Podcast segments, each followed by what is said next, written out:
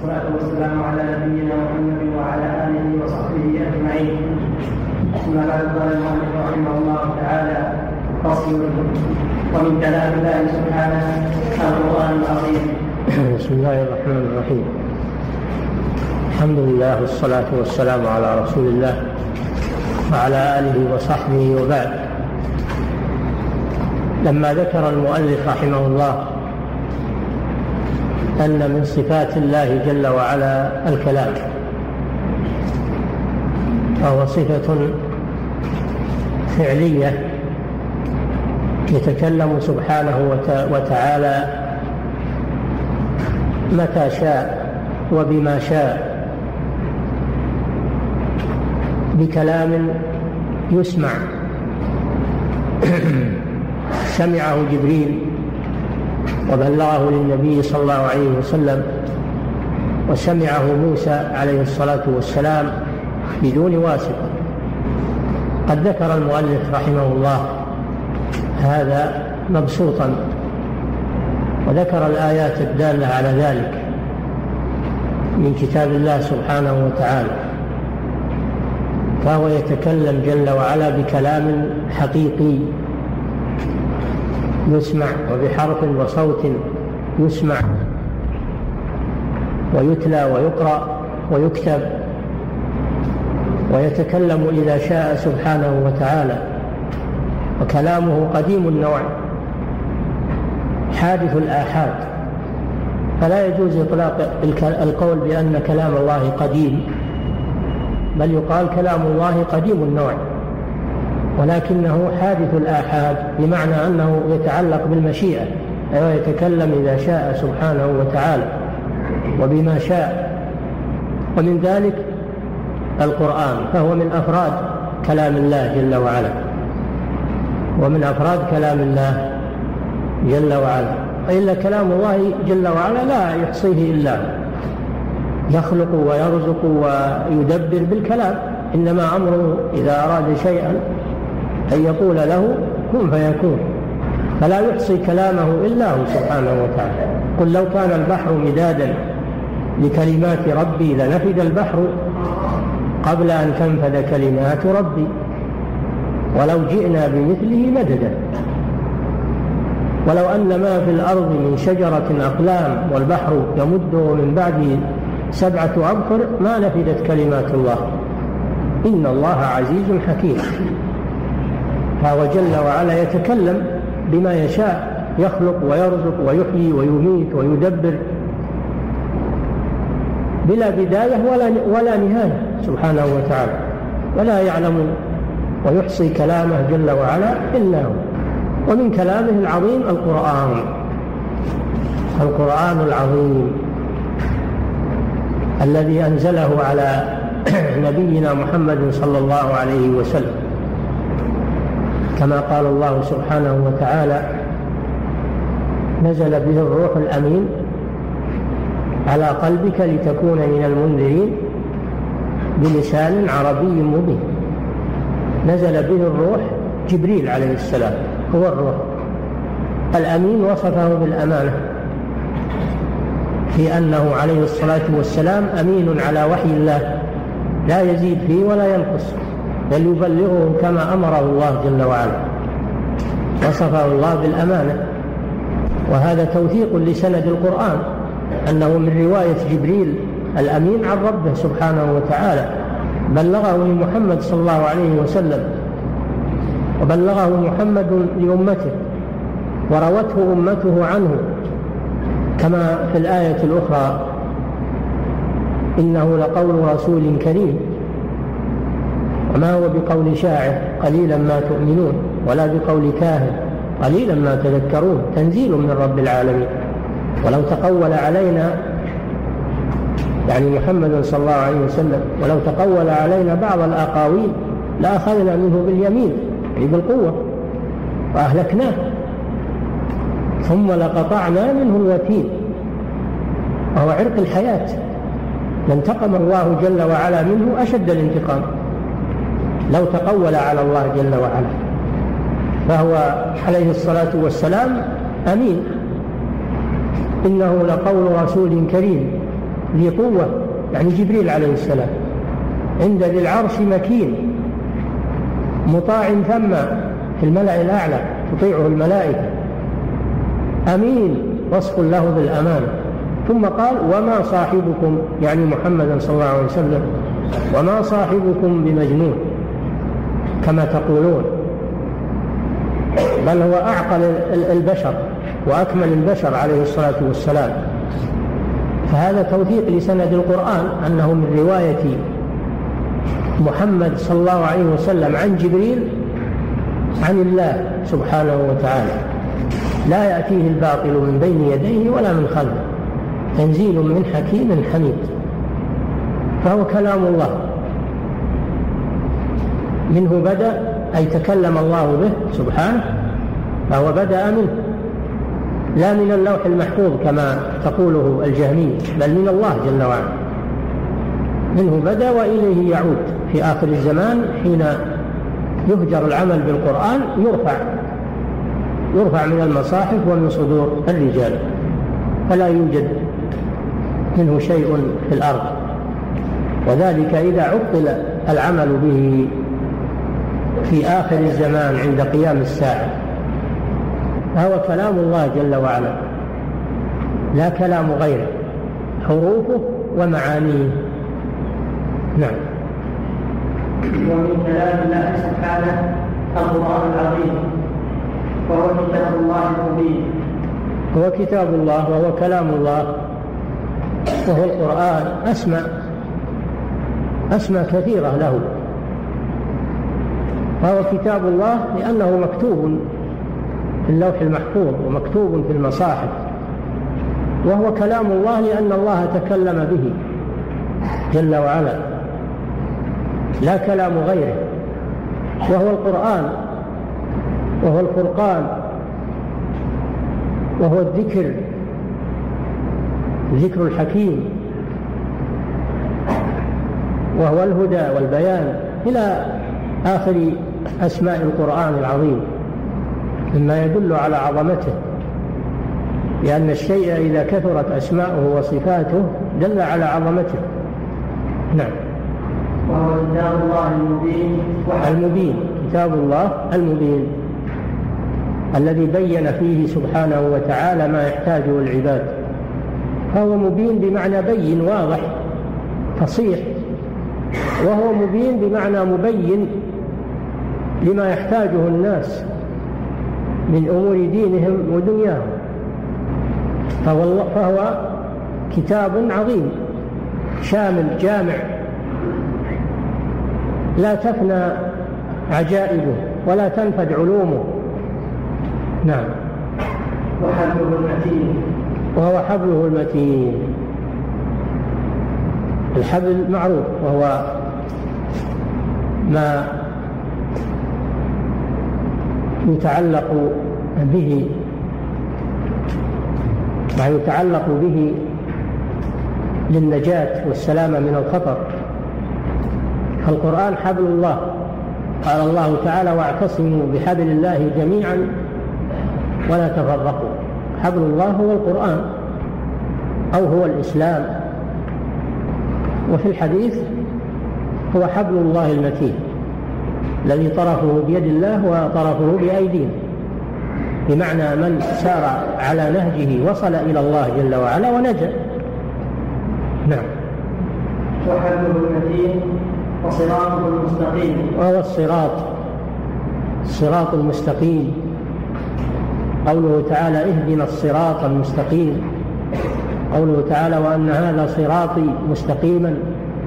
الصراط هو الطريق في اللغة. الصراط في اللغة هو الطريق.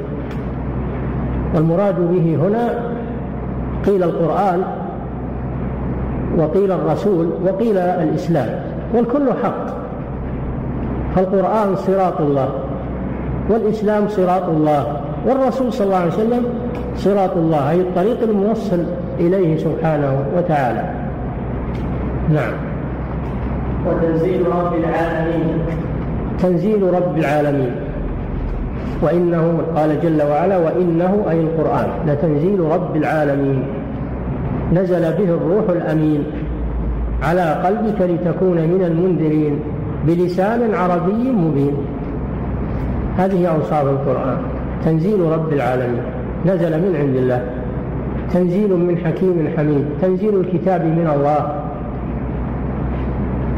فهو منزل من الله غير مخلوق. كما تقوله الجهمية قبحهم الله. منزل منزل من الله. تكلم الله به وأنزله على رسوله بواسطة جبريل عليه الصلاة والسلام. نعم.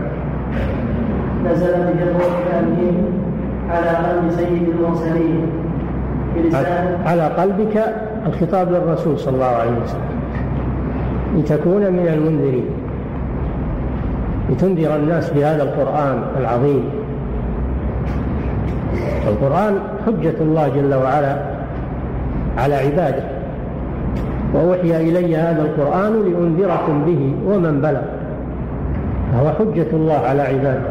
فمن بلغه القرآن قامت عليه الحجة. ولا عذر له. نعم. بلسان عربي مبين بلغة العرب. بلغة العرب التي هي أفصح اللغات بل بلغة قريش التي هي أفصح لغات العرب. فهو فصيح. أفصح اللغات لغة العرب وأفصح لغة لغة العرب لغة قريش التي نزل بها القرآن الكريم. فلا أفصح من القرآن العظيم في ألفاظه.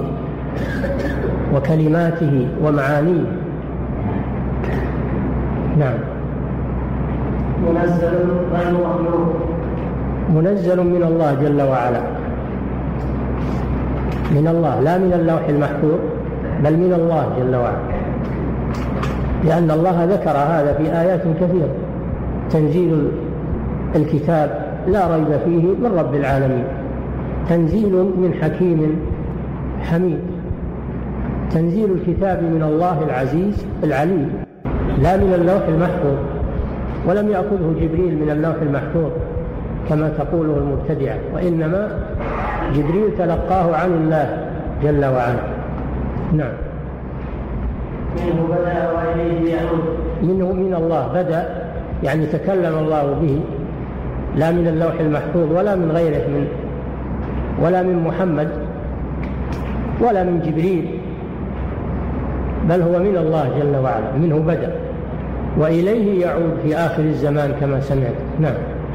وهو سور محكمات القرآن سور وآيات وكلمات وحروف والسور جمع سورة وهي آه، القطعة من القرآن المبتدأ ببسم الله الرحمن الرحيم.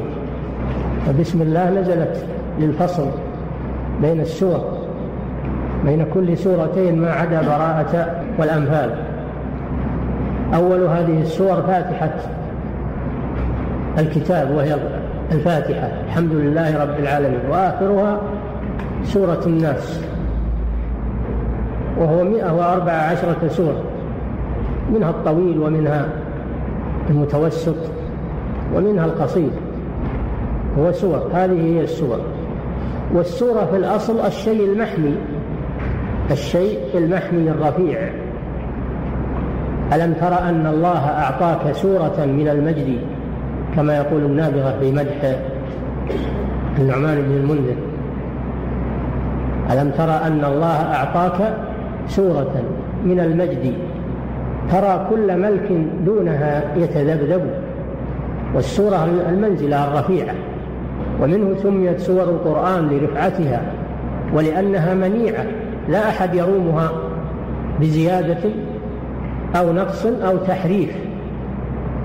القرآن محفوظ كما نزل على محمد صلى الله عليه وسلم. لم يبدل ولم يغير منه شيء لأن الله تكفل بحفظه. قال جل وعلا إنا نحن نزلنا الذكر وإنا له لحافظون.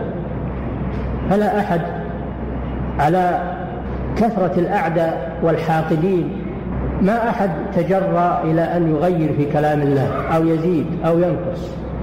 هذا من آيات الله سبحانه وتعالى. حفظ الله كتابه من العبث وسيحفظه إلى أن يرث الله الأرض ومن عليها لا يتطاول إليه أحد. مع كثرة خصومه وكثرة أعدائه. ولو حاول أحد شيئا من ذلك لفضحه الله سبحانه وتعالى وأخزاه. كما حصل لمسيلمة الكذاب الذي زعم أنه ينزل عليه القرآن فضحه الله وأخزاه وصار مضحكة للعالم. وكذلك كل من حاول أن يحاكي أن يحاكي القرآن فإن الله جل وعلا يفضحه ويخزيه. ويجعله مضحكا للناس بل ويهلكه كما حصل لمسيلمة وغيره. نعم. وهو سور محكمات. سور عرفنا معنى السورة محكمات. محكمات يعني متقنات من الإحكام وهو الإتقان. فالقرآن كله محكم. بمعنى أنه متقن. كتاب أحكمت آياته ثم فصلت فهو كله محكم بمعنى أنه متقن وكله متشابه بمعنى أنه يشبه بعضه بعضا يشبه بعضه بعضا في في الحسن والصدق و وحلاوة اللفظ فهو متشابه كله متشابه بمعنى يشبه بعضه بعضا في الإتقان والإحكام وال والحلاوة والبلاغة والفصاحة. كما قال الله تعالى الله نزل أحسن الحديث كتابا متشابها. تشابه كله متشابه. يعني يشبه بعضه بعضا في الحسن والإتقان والفصاحة والبلاغة ومنه محكم ومنه متشابه. والمراد بالإحكام الجزئي والتشابه الجزئي المحكم كما عرفنا سابقا. هو الذي لا يحتاج في تفسيره إلى غيره. واضح. واضح في نفسه. لا يحتاج في تفسيره إلى غيره. هذا هو المحكم. والمتشابه هو اللفظ المجمل الذي يحتاج في تفسيره إلى غيره. هذا هو المتشابه. هو الذي أنزل عليك الكتاب منه آيات محكمات هن أم الكتاب وأخر متشابهات. فعرفنا إذن أن القرآن يطلق عليه كله أنه محكم ويطلق عليه كله أنه متشابه ويطلق على بعضه أنه محكم وعلى بعضه أنه متشابه. وهذا ما يسمى بالإحكام والتشابه العام والإحكام والتشابه الخاص. ولكل منهما معنى خاص به. نعم. وآيات بينات بل هو آيات بينات آيات جمع آية. والآية في اللغة العلامة. سميت آية القرآن آية لأنها دالة دلالة وعلامة على عظمة الله سبحانه وتعالى. الآية في اللغة الدلالة والعلامة وهي على نوعين آية متلوة وآية مخلوق. الآية المتلوة آيات القرآن والآيات المخلوقة مثل الشمس والقمر والليل والنهار والشجر والبشر والبحار والأنهار. هذه آيات آيات سميت آيات لأنها دلالات وعلامات على قدرة الله. جل وعلا آيات مخلوقة كونية. وأما الآيات المتلوة فهي الوحي المنزل من عند الله جل وعلا.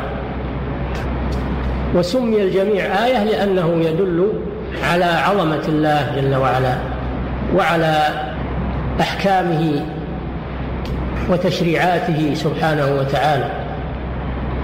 نعم. وآيات بينات وحروف وكلمات. نعم هو حروف وكلمات وآيات. الحروف حروف الهجاء المعروفة الألف باء تاء إلى آخر حروف الهجاء الثمانية والعشرين. هذه حروف. سميت حروف من الحرف وهو الطرف لأنها قطع وهي لا تدل على معنى في نفسها إلا إذا ركبت مع غيره. فإذا تركبت الحروف تكونت الكلمة. وإذا تكونت الكلمة مع الكلمة تكونت الجملة. تكونت الجملة اسمية كانت أو فعلية فهو حروف وكلمات وآيات. فالقرآن متكون من هذه الحروف. العربية تكونت من هذه الحروف كلمات القرآن. وتكونت من كلمات القرآن آيات القرآن وتكونت من آيات القرآن سور القرآن وتكون من هذه السور القرآن العظيم والكتاب المبين فهو حروف وكلمات وآيات وسور. نعم. من قرأه فأعرضه فله بكل حرف عشر حسنات من قرأه فأعربه يعني قرأه قراءة صحيحة ليس فيها لحن. ليس فيها لحن. الإعراب معناه السلامة من اللحن. فمن قرأ القرآن قراءة سليمة من اللحن فله بكل حرف عشر حسنات لأن الحسنة بعشر أمثالها. ومن قرأه ولم يعربه لعجزه عن ذلك فله أجر. له أجر لكنه دون أجر من يتقن القراءة. لهذا جاء في الحديث الماهر بالقرآن مع السفر الكرام البرر والذي يقرأ القرآن وهو عليه شاق له أجران والذي يقرأ القرآن ويتتعتع فيه وهو عليه شاق له أجران. فجعل صلى الله عليه وسلم الذي يتقن القراءة ويقيمها من اللحن والخطأ جعله مع السفرة الكرام البرر. أعظم من الذي يقرأ القرآن ويتتعتع فيه ويشق عليه. نعم. له أول وآخر. أوله القرآن له أول وآخر يعني له بداية ونهاية. أوله سورة الفاتحة وآخره سورة الناس. هذا هو القرآن العظيم. يبدأ من سورة الفاتحة وينتهي بسورة الناس. نعم. وأجزاء وأفعال نعم. والقرآن أجزاء كما هو معروف. ثلاثون جزءا. ثلاثون جزءا. كل جزء عشر ورقات. وهو أيضا أحزاب. حزب الفلاني الحزب. والأحزاب معناها ما يقرأه القارئ في صلاة الليل. الصحابة كانوا يحزبون القرآن. يحزبون القرآن في صلاة الليل. يحزبونه نعم. متلو بالألسنة. متلو بالألسنة. ومحفوظ في الصدور. ومكتوب في المصاحف. وهو كلام الله جل وعلا. بأي اعتبار؟ سواء كان متلوا أو كان مكتوبا في المصاحف أو كان محفوظا في الصدور. هو كلام الله جل وعلا لا يختلف في ذلك. فالقارئ إذا قرأ إنما يقرأ كلام الله جل وعلا. الصوت صوت القارئ ولكن المقروء والمتلو هو كلام الله جل وعلا. والمكتوب هو كلام الله حروفه ومعانيه. لكن الورق والحبر والكتابة و هذه من عمل البشر مخلوقة. الورق المكتوب فيه المصحف مخلوق. الحبر والمداد المكتوب فيه مخلوق. الصوت الذي يقرأ القرآن الصوت مخلوق. لكن المقروء والمتلو هو كلام الله جل وعلا. ولهذا يقولون الصوت صوت القارئ والكلام كلام الباري سبحانه وتعالى.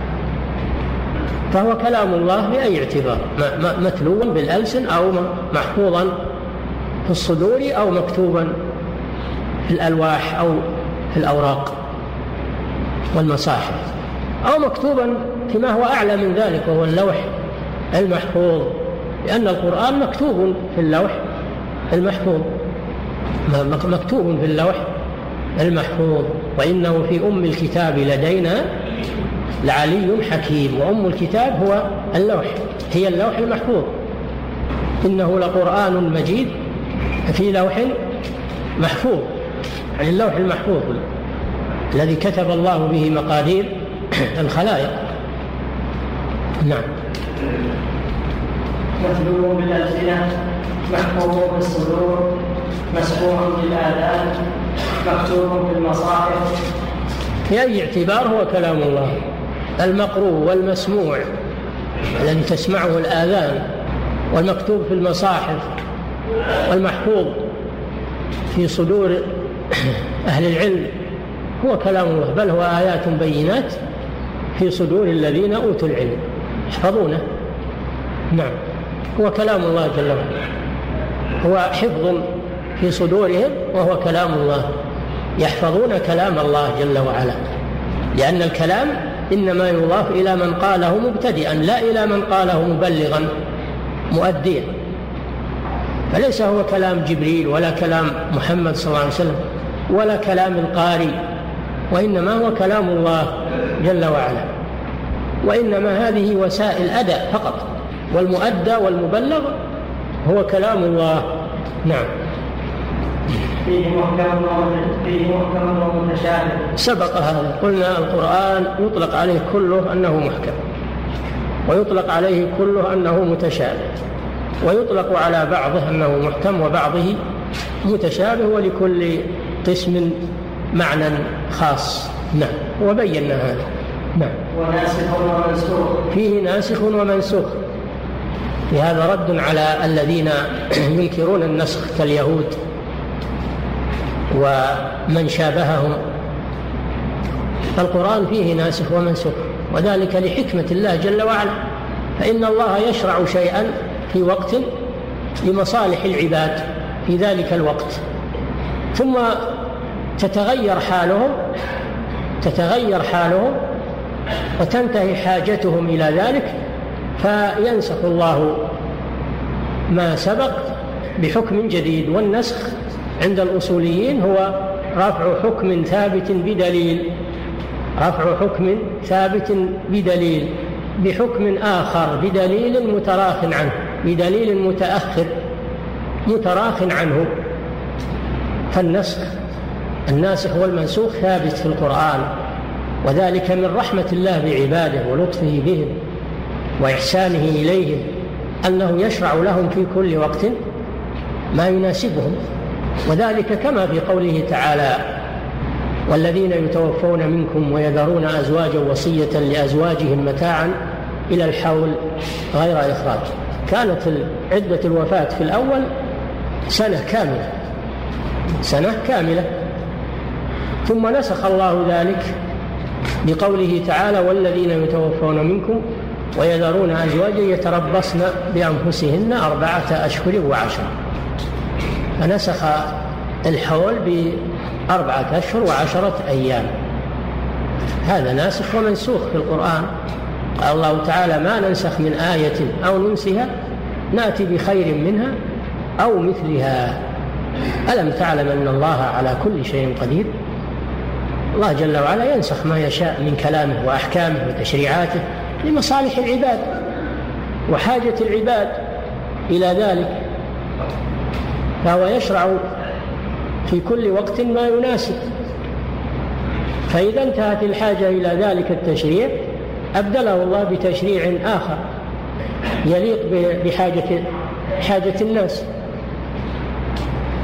والنسخ في القرآن واقع كما القبلة كانوا يصلون في أول الإسلام إلى بيت المقدس ثم نسخ ذلك إلى استقبال الكعبة المشرفة هذا من النسخ في القرآن العظيم. نعم وهذا معنى قوله منه ناسخ ومنسوخ. ولا ينكر النسخ في القرآن أو الأحكام الشرعية إلا أهل الضلال. نعم. وخاص وعام. نعم في القرآن خاص وعام. خاص وعام. العام هو اللفظ الشامل. لكل الأفراد. والخاص هو اللفظ الخاص بطائفة. مثل ذلك قوله تعالى إن الإنسان لفي خسر. هذا لفظ عام لجميع الإنسان جميع البشر. إلا الذين آمنوا هذا خاص. لأن المخصصات أنواع منها مخصصات متصلة ومنها مخصصات منفصلة كما هو معلوم في كتب الأصول. فخصص أول الآية بآخرها. إلا الذين آمنوا وعملوا الصالحات وتواصوا بالحق وتواصوا بالصبر. القرآن منه عام ومنه خاص والعام يحمل على الخاص. نعم. فيه أمر والأمر طلب الفعل. هذا هو الأمر. الأمر طلب الفعل مثل أقيموا الصلاة وآتوا الزكاة طلب للصلاة وطلب للزكاة والنهي طلب الكف. طلب الكف ولا تقربوا الزنا. هذا نهي عن وسائل الزنا من النظر وكشف العورة والخلوة بالأجنبية وسفر المرأة بدون محرم. كل هذه من وسائل الزنا ومن الموصلة إليه فنهى عنها الشافعي قال ولا تقربوا ولا تقربوا الزنا. لم يقل ولا تزنوا فقط. بل قال لا تقربوا والشيء عن إذا نهى عن الشيء وعن أسبابه فهو أبلغ مما لو نهى عن الشيء نفسه فقط. ولا تأكلوا أموالكم بينكم بالباطل هذا نهي. ولا تأكلوا أموالكم أي أموال بعضكم البعض بالباطل يعني بغير طريق شرعي وبغير إذن من صاحب المال المالك إلا أن تكون تجارة عن تراض منكم. إلى غير ذلك من من الأوامر والنواهي التي في القرآن. الأمر بكل خير والنهي عن كل شر. أوامر ونواهي. نعم. لا يأتيه الباطل من بين يديه ولا من خلفه تنزيل من حكيم حميد. إن الذين كفروا بالذكر لما جاءهم وإنه نعم عزيز لكتاب عزيز. كتاب عزيز يعني منيع منيع الجانب لا أحد يصل إليه. لا يأتيه الباطل من بين يديه ولا من خلفه. ليس قبله شيء يكذبه ولا بعده شيء يكذبه. لا يأتيه الباطل أي التكذيب من بين يديه ولا من خلفه. تنزيل من حكيم حميد. وهو الله جل وعلا. نعم. وقوله تعالى قل إن اجتمع الإنس والجن على أن يأتوا بمثل هذا القرآن لا يأتون بمثله ولو كان بعضهم ببعض ظهيرا الله تعالى لما أنزل القرآن تكلم الأعداء والكفرة. قالوا إن هذا القرآن إنه أساطير الأولين. اكتتبها. يعني أخبار الأمم الماضية كتبها محمد. صار يقرأها عليكم. ما نزل عليه شيء من الله وإنما هي أساطير. الأكاذيب السابقة واللي يسمونها سواليف سواليف الناس ومضحكاتهم و... وبعضهم قال إنه شعر. هذا القرآن شعر. وبعضهم قال إنه سحر. هذا القرآن سحر. وقالوا وقالوا. وبعضهم قال لو لو شئت لأنزلت مثل ما أنزل الله. وقالوا يعني إنه القرآن هذا ما هو من عند الله المهم إنه من عند محمد. وصفوه بهذه الأوصاف. إن هو إلا قول البشر قول محمد إن هو إلا إفك افتراه وأعانه. عليه قوم آخرون. فقد, إن هو إلا إفك افتراه وأعانه عليهم عليه قوم آخرون فقد جاءوا ظلما وزورا وقالوا أساطير الأولين اكتتبا. فهي تملى عليه بكرة وأصيلا. الله جل وعلا تحداهم. تحداهم. فقال ما دمتم تقولون إن هذا القرآن من عند محمد وأنه من كلام البشر ومحمد بشر مثلكم وهذا القرآن مكون من حروف ومن كلمات ومن آيات من لغتكم التي تتخاطبون بها. فما دمتم تقولون إن هذا القرآن من كلام البشر؟ أنتم بشر بل أنتم أفصح البشر في وقتكم. هاتوا مثل هذا القرآن. تحداهم الله أن يأتوا بمثله فلم يستطيعوا. قل لئن اجتمعت الإنس والجن على أن يأتوا بمثل هذا القرآن لا يأتون بمثله ولو كان بعضهم لبعض ظهيرا هذه الآية نزلت على الرسول صلى الله عليه وسلم وهو في مكة قبل الهجرة. ما بعد صار له شوكة ولا دولة ولا قوة ومع هذا يتحداهم هذا التحدي مع شدة عداوتهم له وما استطاعوا ثم تحداهم الله أن يأتوا بعشر سور. أم يقولون افتراه قل فأتوا بعشر سور مثله مفتريات. فادعوا من استطعتم من دون استعينوا بمن تشاءون من الجن والإنس وبمن تشاءون استعينوا. وهاتوا عشر سور مثل هذا القرآن. لم يستطيعوا. تحداهم الله بأن يأتوا بسورة واحدة بل بأقصر سورة كسورة إنا أعطيناك الكوثر أو إذا جاء نصر الله أقصر سورة. تحداهم أن يأتوا بسورة من مثل هذا القرآن. وإن كنتم في ريب مما نزلنا على عبدنا فأتوا بسورة من مثله. وادعوا شهداءكم من دون الله. إن كنتم صادقين. استعينوا بمن شئتم. وهاتوا من يشهد إن هذه إن هذه السورة التي جئتم بها مثل القرآن. ألم يستطيعوا؟ فعند ذلك تبين وثبت أن القرآن كلام الله جل وعلا. لأنه لو كان من كلام البشر لاستطاعوا أن يأتوا بمثله. فدل على أنه ليس من كلام البشر وإنما هو من كلام الخالق جل وعلا. هذه آية عظيمة ومعجزة من معجزات الرسول. ولهذا القرآن هو أعظم معجزة لهذا الرسول صلى الله عليه وسلم. وهو معجزة باقية على مر الدهور. التحدي لا يزال قائما لكل أحد إلى أن تقوم الساعة. ما أحد استطاع ولن يستطيع. فأتوا بسورة من مثله وادعوا شهداءكم من دون الله إن كنتم صادقين فإن لم تفعلوا ولن ولن تفعلوا. هذا إخبار هذا إخبار عن المستقبل إلى أن تقوم الساعة. تحدي ولن تفعلوا. فاتقوا النار التي وقودها الناس والحجارة أعدت للكافرين. القرآن قائم يتحدى العالم البشر كلهم. الجن والإنس على أن يأتوا بمثل أقصر سورة من سور القرآن.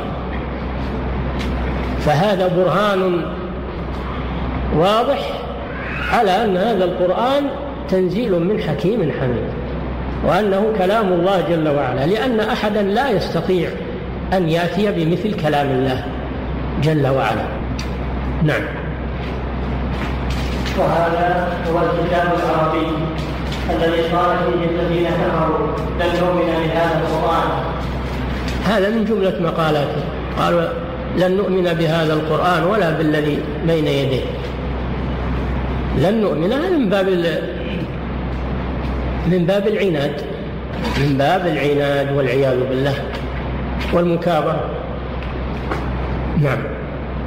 وقال بعضهم إن هذا إلا قول البشر. فقال الله سبحانه سأصليه سقر قال بعضهم وهو المغيرة بن آه، وهو الوليد. الوليد بن المغيرة. الوليد بن المغيرة المخزومي. أشد أو من أشد خصوم رسول الله صلى الله عليه وسلم في مكة. هو الذي قال إن هذا إلا قول البشر. قال الله جل وعلا متوعدا له سأسليه سقر وهي جهنم. وما أدراك ما سقر لا تبقي ولا تذر لأنه قال هذه المقالة وهو يعلم أن هذا القرآن ليس من كلام البشر وإن وإنما هو من كلام الله. وهو اعترف بهذا اعترف بأن هذا القرآن لا يمكن أن يكون من كلام البشر. لكن لما رأى تغير قومه عليه وإنكارهم عليه فإنه تظاهر أمامهم فقال إن هذا إلا قول البشر. إنه فكر وقدر فقتل كيف قدر ثم قتل كيف قدر ثم نظر ثم عبس وبسر ثم أدبر واستكبر فقال إن هذا إلا سحر يؤثر يعني القرآن. إن هذا إلا قول البشر. هذا هو الوليد بن المغيرة المخزومي فضحه الله سبحانه وتعالى وأخزاه. نعم وبين كذبه وتناقضه في نفسه. نعم. وقال بعضهم هو شعر فقال الله تعالى وما علمناه الشعر وما ينبغي له إن هو إلا ذكر وقرآن مبين. بعضهم قال هذا القرآن شعر. والله جل وعلا نفى ذلك فقال وما هو بقول شاعر؟ قليلا ما تؤمنون. وقال وما علمناه الشعر. الرسول صلى الله عليه وسلم ليس بشاعر ولا عرف عنه. لا عرف عنه إنه شاعر ولا أنه يقول الشعر. فكيف يكون هذا القرآن شعرا والرسول صلى الله عليه وسلم ليس ليس بشاعر؟ هذا من الكذب الواضح. نعم.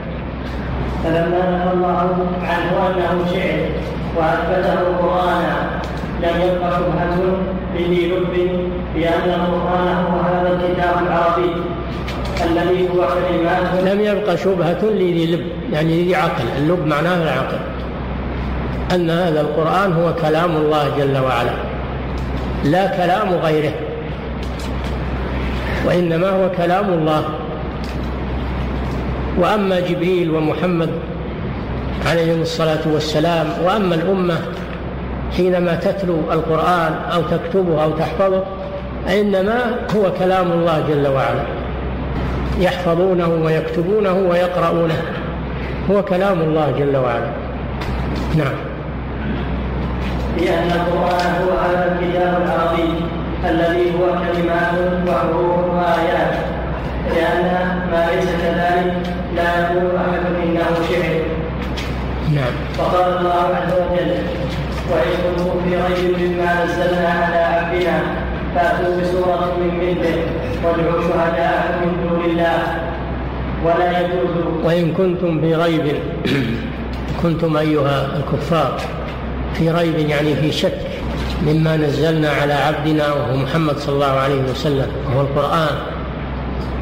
فأتوا بسورة من مثله. وادعوا شهداءكم من دون الله. استعينوا بمن شئتم. أن يشهدوا معكم ويعينكم.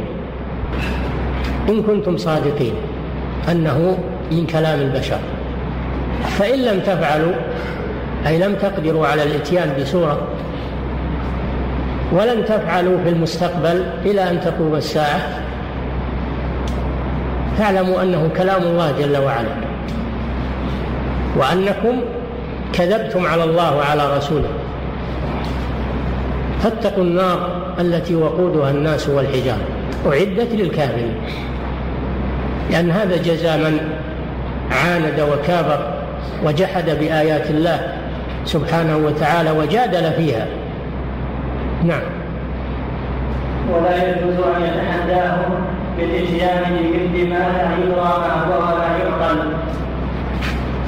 الله ما تحداهم إلا بشيء من جنس كلامهم حروف وكلمات وجمل من جنس كلامهم. يعرفون معانيه ويعرفون تراكيبه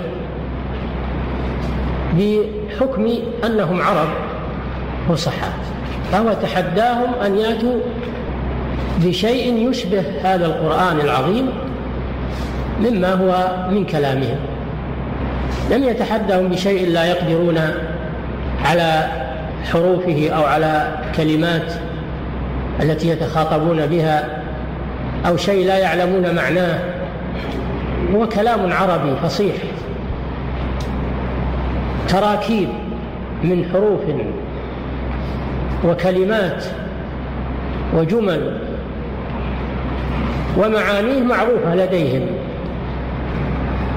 لأنه بلغتهم وبلسانهم الذي يتخاطبون به فيما بينهم.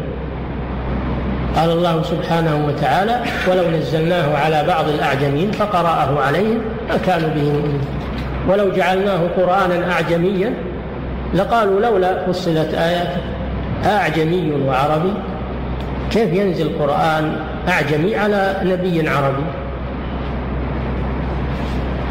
الله جل وعلا من حكمته أنه أنزل القرآن بلغة النبي صلى الله عليه وسلم وبلغة المرسل إليهم والمبعوث فيهم.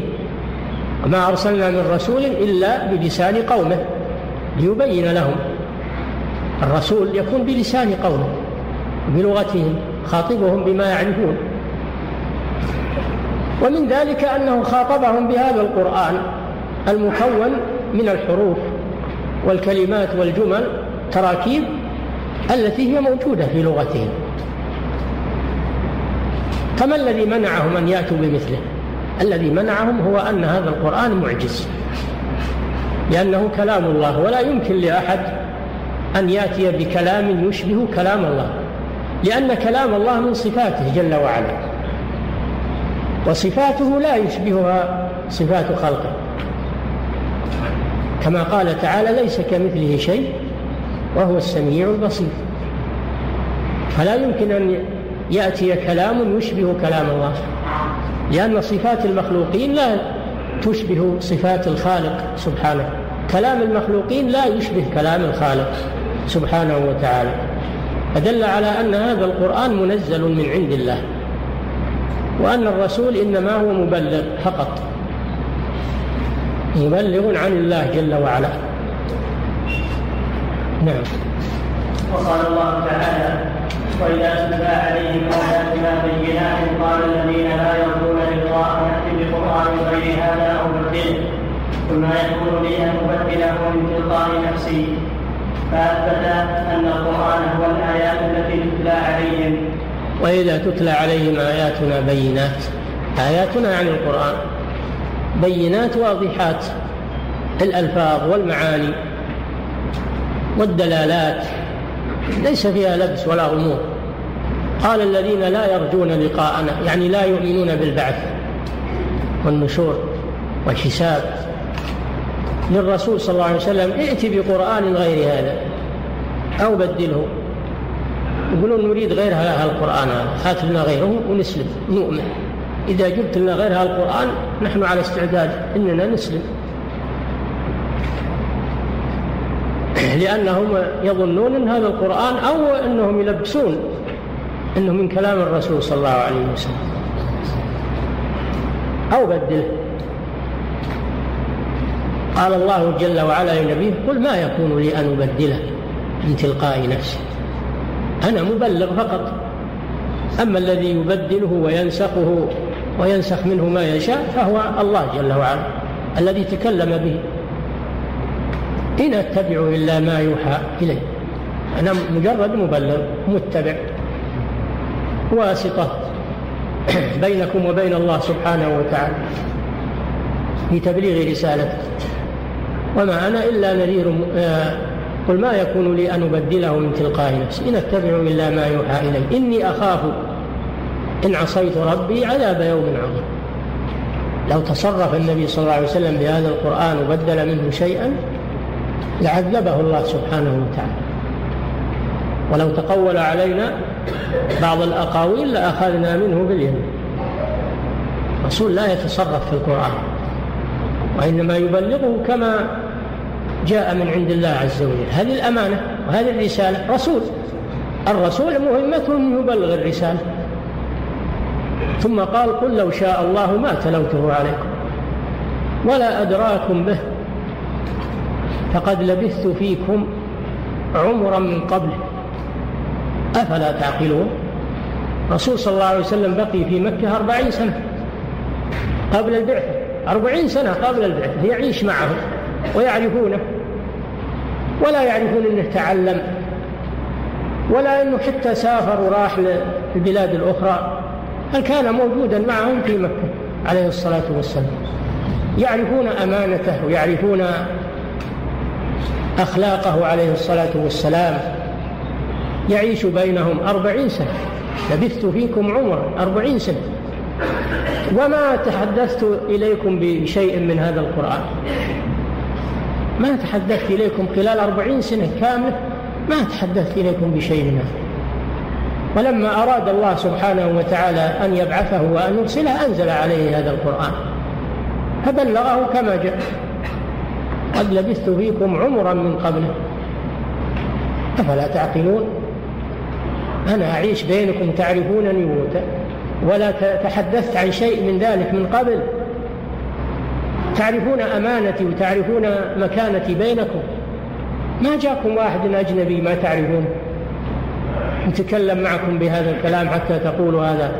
بل أنا بينكم معيش بينكم فما الذي جعلني أربعين سنة ما تكلمت بشيء من هذا؟ وبعد الأربعين تكلمت بهذا إلا أنه الله جل وعلا. قل لو شاء الله ما تلوته عليكم ولا أدراكم به فقد لبثت فيكم عمرا من قبل. أفلا تعقلون؟ نعم. وقال تعالى بل هو آيات بينات في صدور الذين أوتوا العلم. نعم. وقال تعالى بل هو هي القرآن. وما كنت تتلو من قبله من كتاب. الرسول صلى الله عليه وسلم كان أميا لا يقرأ ولا يكتب. وما كنت تتلو من قبله من كتاب ولا تخطه بيمينك. إذا لارتاب المبطلون الرسول ما كان يقرأ ولا يكتب. كان أميا عليه الصلاة والسلام. وأنزل الله عليه هذا القرآن العظيم الذي أعجز الخلق الجن والإنس. وهو أمي عليه الصلاة والسلام. ما تعلم ولا قرأ ولا اطلع على أخبار الأولين. وما كنت تتلو من قبله من كتاب. ما قرأ في التوراة ولا في الإنجيل ولا في الزبور. ولا تخطه بيمينك ما كان يكتب عليه الصلاة والسلام حتى يقال أنه كتب هذا هذا القرآن من أخبار الناس. إذا لارتاب المبطلون. ثم قال جل وعلا بل هو آيات بينات دلالات واضحة على أنه من عند الله جل وعلا. في صدور الذين أوتوا العلم يحفظونه في صدورهم ويتلونه من صدورهم. فحفظه وسهولة حفظه وتلاوته هذا دليل على أنه من عند الله سبحانه وتعالى. نعم. قال تعالى بل في صدور الذين العلم. نعم. وقال تعالى بل هو أي القرآن. وما كنت تتلو من قبله من كتاب. الرسول صلى الله عليه وسلم كان أميا. لا يقرأ ولا يكتب. وما كنت تتلو من قبله من كتاب ولا تخطه بيمينك. إذا لارتاب المبطلون الرسول ما كان يقرأ ولا يكتب كان أميا عليه الصلاة والسلام. وأنزل الله عليه هذا القرآن العظيم الذي أعجز الخلق الجن والإنس. وهو أمي عليه الصلاة والسلام. ما تعلم ولا قرأ ولا اطلع على أخبار الأولين. وما كنت تتلو من قبله من كتاب ما قرأ في التوراة ولا في الإنجيل ولا في الزبور ولا تخطه بيمينك ما كان يكتب عليه الصلاة والسلام حتى يقال أنه كتب هذا هذا القرآن من أخبار الناس. إذا لارتاب المبطلون. ثم قال جل وعلا بل هو آيات بينات دلالات واضحة على أنه من عند الله جل وعلا. في صدور الذين أوتوا العلم. يحفظونه في صدورهم ويتلونه من صدورهم فحفظه وسهولة حفظه وتلاوته هذا دليل على أنه من عند الله سبحانه وتعالى. نعم. قال تعالى إنه لقرآن كريم في كتاب مكنون لا يمسه إلا المطهرون بعد أن أقسم على ذلك. فلا أقسم بمواقع النجوم. وإنه لقسم لو تعلمون عظيم.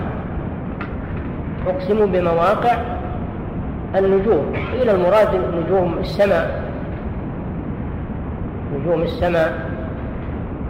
وكانوا في الجاهلية أنها تنزل المطر أو أنها تؤثر في نزول المطر. هذا من اعتقاد الجاهلية. الاستسقاء بالنجوم. نسبة المطر إلى طلوع النجم أو غروبه. الله جل وعلا أقسم بمواقع النجوم لأن هذه النجوم ليس لها تصرف وإنما هي من مخلوقاته سبحانه وتعالى. وإنه لقسم لو تعلمون وقيل المراد بمواقع النجوم نجوم القرآن لأن القرآن نزل منجما. نزل منجما على الرسول صلى الله عليه وسلم حسب الوقائع والحوادث.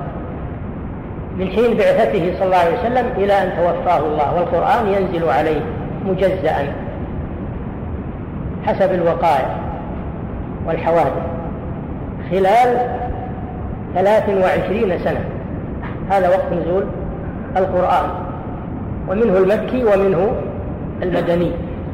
وقالوا لولا وقال الذين كفروا لولا نزل هذا لولا نزل عليه القرآن جملة واحدة. هذا من جملة اعتراضاتهم السخيفة. وش دخلكم بنزول القرآن جملة واحدة أو مفرقة المهم أنكم تتبعون القرآن لكن هذا من اعتراضاتهم السخيفة. لولا نزل عليه القرآن جملة واحدة. كذلك لنثبت به فؤادك. ورتلناه ترتيلا. ولا يأتونك بمثل إلا جئناك بالحق وأحسن تفسيرا. هذه هي الحكمة في تنجيم القرآن. على الرسول صلى الله عليه وسلم. ولأن هذا أسهل على الأمة هذه التكاليف والأوامر والنواهي. لو نزلت الأوامر والنواهي جملة واحدة لشق ذلك على الأمة. الله جل وعلا نزل هذا الشرع شيئا فشيئا. لأن هذا أرفق بالأمة. لولا نزل عليه القرآن جملة واحدة. وهنا يقول جل وعلا فلا أقسم بمواقع النجوم. أي نجوم القرآن. وإنه لقسم لو تعلمون عظيم. إنه لقرآن هذا جواب القسم. لقرآن كريم في كتاب مكنون وهو اللوح المحفوظ. لا يمسه إلا المطهرون وهم الملائكة الكرام عليهم الصلاة والسلام. تنزيل من رب العالمين. أي هذا القرآن تنزيل من الله جل وعلا لا من اللوح المحفوظ. ولا من جبريل ولا من محمد وإنما هو منزل من الله جل وعلا. نعم. قد ورد في كتب التفسير أن القرآن الكريم نزل كله إلى بيت يسمى بيت العزة في السماء الدنيا في ليلة القدر ثم نزل منزلا بعد ذلك فهل هذا الكلام صحيح؟ وإن كان صحيحا فهل تكلم الله عز وجل بالقرآن كله أكثر من مرة؟ هذا نعم ورد عن ابن عباس رضي الله عنه أنه نزل في ليلة القدر جملة من اللوح المحفوظ إلى بيت العزة ثم نزل منجما على النبي صلى الله عليه وسلم. ولكن هذا القول ضعيف لم يثبت. ولعله من الأخبار الإسرائيلية. وقد كتب الشيخ محمد بن إبراهيم رحمه الله رسالة يرد بها على السيوطي في هذا الموضوع. الجواب الواضح المستقيم في كيفية نزول القرآن الكريم. وهي موجودة ومطبوعة. قلنا الفتاوى ومفردة أيضا. نعم. الحاصل أن هذا قول ضعيف. نعم. فضيلة الشيخ رحمه الله ما المقصود بقول المبتدئة إن القرآن مخلوق ماذا تعني كلمة مخلوق هل يعني بذلك أن الله خلقه في صدر جبريل مثلا أو مزيد من الإضاءة رحمه الله. نعم. هم يقولون إن قصدهم إن الله لا يتكلم وإنما خلق الكلام في جبريل وتكلم بما أراده سبحانه. أو خلقه في اللوح المحفوظ وأخذه جبريل من اللوح المحفوظ وقصدهم من هذا نفي أن الله يتكلم. كما ينفون سائر الصفات عن الله جل وعلا.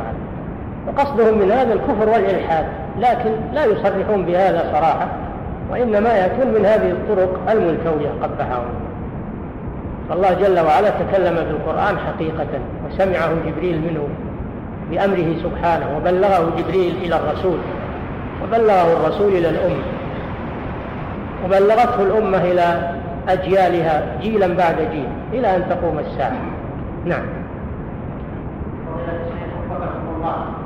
زعم بعض الفرق الضالة أن القرآن عبارة عن كلام الله وزعم الأخرى أنه حكاية عن كلام الله. فما الفرق بين العبارة والحكاية في كلامه؟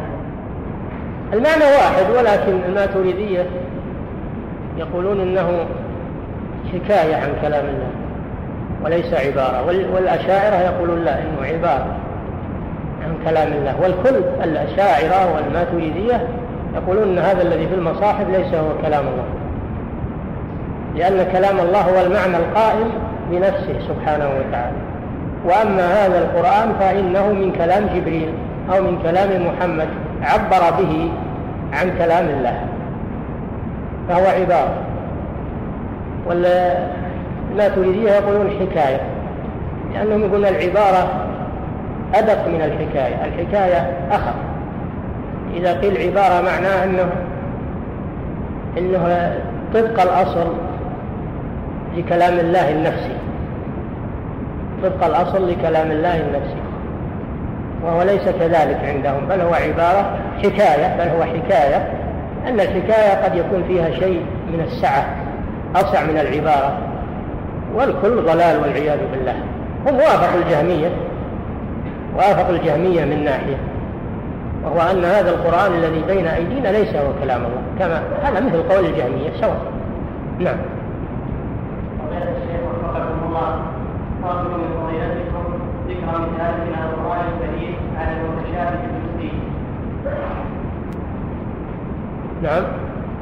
المتشابه الجزئي مثل المطلق والمقيد والخاص والعام والناسخ والمنسوخ هذا الجزئي الناسخ والمنسوخ هذا من المتشابه.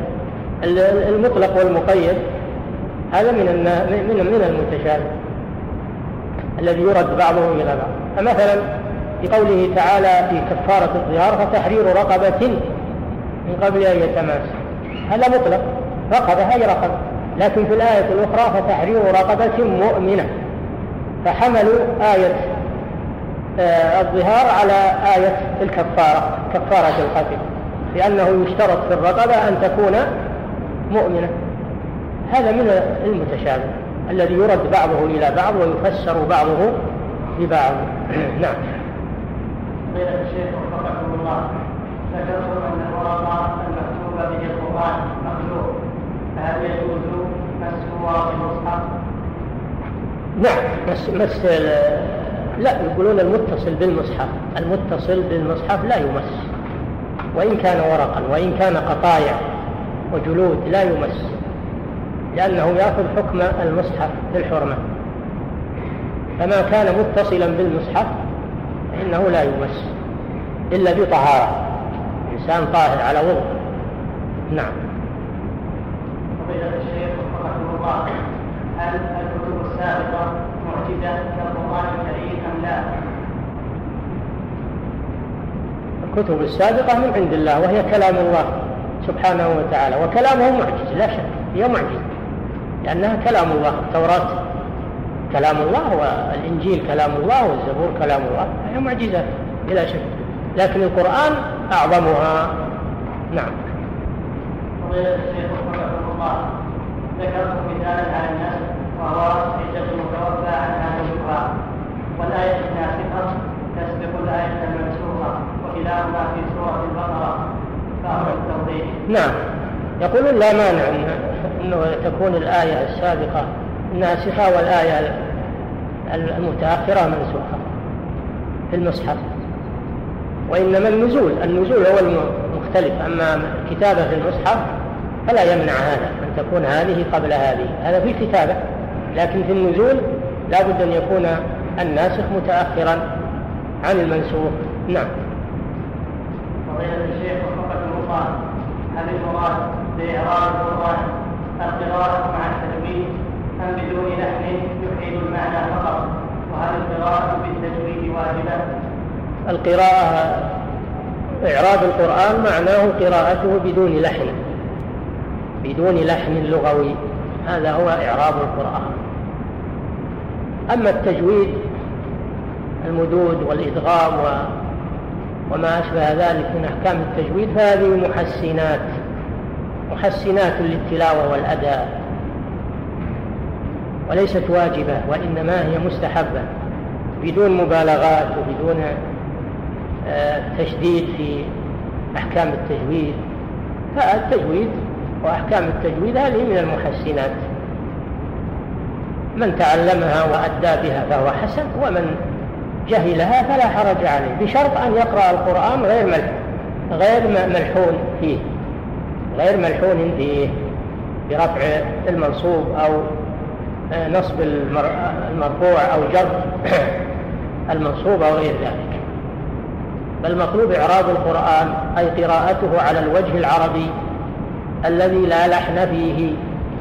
وأما تحسين الصوت وتحسين التلاوة والتجويد فهذه أمور مستحبات ومكملات. نعم. ويا وفقكم الله هل أفعال العباد مخلوقة؟ وهل تكون قراءتي للقرآن مخلوقة على ذلك؟ صوتك مخلوق. أما المقروء وهو كلام الله فهذا غير مخلوق. المقروء غير مخلوق. وأما صوتك فهو مخلوق. نعم. كتابة للقرآن الكتابة مخلوق لكن المكتوب غير مخلوق. نعم. فضيلة الشيخ رحمكم الله ذكرتم أن القرآن لا ينسب إلى من بلغه ولكن لمن قاله ابتداء والله سبحانه وتعالى يقول إنه لقول رسول كريم. فما المراد بذلك؟ نعم لأنه مبلغ. لأنه مبلغ. الله جل وعلا نسب القرآن إلى نفسه. ونسب القرآن إلى جبريل. ونسبه إلى محمد. ولا يمكن أن يكون كلام واحد يصدر من أكثر من واحد. هذا ما هو ممكن أبدا. مستحيل. دل على أن القرآن كلام الله جل وعلا. وأما الرسول الملكي والرسول البشري فهما مبلغان عن الله جل وعلا. والكلام إنما ينسب حقيقة إلى من قاله مبتدئا لا إلى من قاله مبلغا مؤديا فإن نسبته إليه من باب المجاز لا من باب الحقيقة لأنه مبلغ فقط. فهو كلام كلام كلام جبريل كلام الرسول بمعنى كلام تبليغ فقط. كلام تبليغ لا كلام ابتداء. نعم. الشيخ وفقكم الله هل هذا الكلام صحيح؟ إن القرآن من الأمر وإن الأمر غير الخلق بدليل أنه أنه عرض والعرض يقتضي المغايره كما قال سبحانه الا له الخلق والأمر. نعم. القرآن من الأمر وليس من الخلق. نعم. هذا كلام صحيح. القرآن من الأمر لا من الخلق. لأنه من أمر الله يأمر به وينهى سبحانه وتعالى ويبشر وينذر. فهو من الأمر بلا شك. نعم لا من الخلق. والله فرق بينهما. قال ألا له الخلق والأمر. نعم.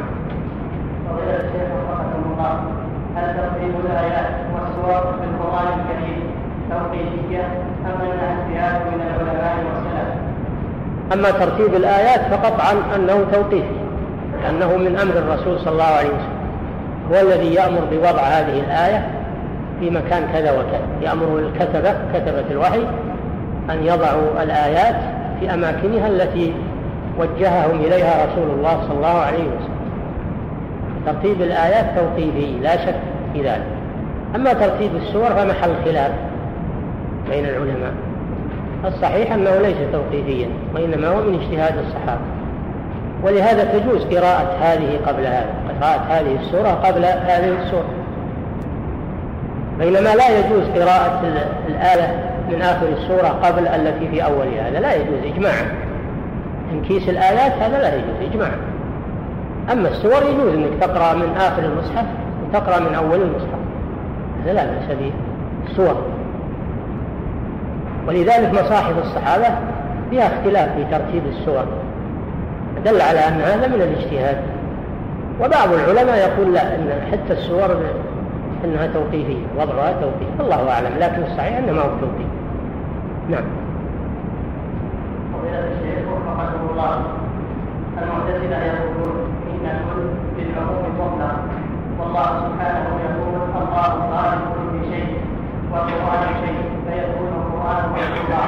فكيف عليهم؟ هذا كلام باطل. الكل يخصص. ما من كل إلا وما من عموم إلا وهو مخصص. تدمر كل شيء. هل الريح التي بعثها الله تدمر كل شيء؟ دمرت العرش والسماوات والأفلاك. من يقول هذا؟ تدمر كل شيء يعني أمرت بتدبيره. ما دمرت كل شيء. يعني دمرت العرش والسماوات والكرسي من يقول هذا؟ ما قال هذا أحد. إلا أن تقولوا إن العرش ليس, ليس شيئا أو الكرسي ليس شيئا فحينئذ يكون لا عقل له. وأوتيت من كل شيء ملكة سبع أوتيت من كل شيء. هل معناه أنها أوتيت من كل شيء خلقه الله؟ أو أنها أوتيت من كل شيء يليق بالملوك؟ أوتيت من كل شيء يليق بالملوك. والسياق يحدد هذا. السياق يحدد هذا. نعم. أوتيت من كل شيء يعني مما في السماوات ومما في الأرض ومما في البحار والبراري من يقول هذا؟ فكل ليست على عموم. كذلك الله خالق كل شيء. الله جل وعلا بصفاته خالق كل شيء. وما عداه فهو مخلوق. سبحانه وتعالى. نعم. فصفاته غير مخلوق. نعم. ومنها كلامه جل وعلا. كلامه من صفاته جل وعلا. فالله جل وعلا بصفاته خالق كل شيء وما عداه فهو مخلوق ومن صفاته القرآن فهو غير مخلوق. نعم. يقول بعض القائلين بأن عجز العرب القرآن عن الاتيان بمثل القرآن سببه مصدر فهل هذا هذا قول المعتزلة هذا قول المعتزلة. يقولون إن العرب يقدرون على أن يأتوا بمثل القرآن لكن الله صرفهم عن ذلك. هذا كلام باطل. بل عجزوا عن ذلك لأنهم لا يقدرون عليه. لا يقدرون عليه. ولذلك سمي معجزا. أما لو كانوا يقدرون عليه لم يكن معجزا. نعم. فضيلة الشيخ الله نسمع عن كتاب الشعر الجاهلي لواحد من كتاب العصر الحديث. وفيه تعارض للقرآن الكريم فما رأي بهذا الكتاب؟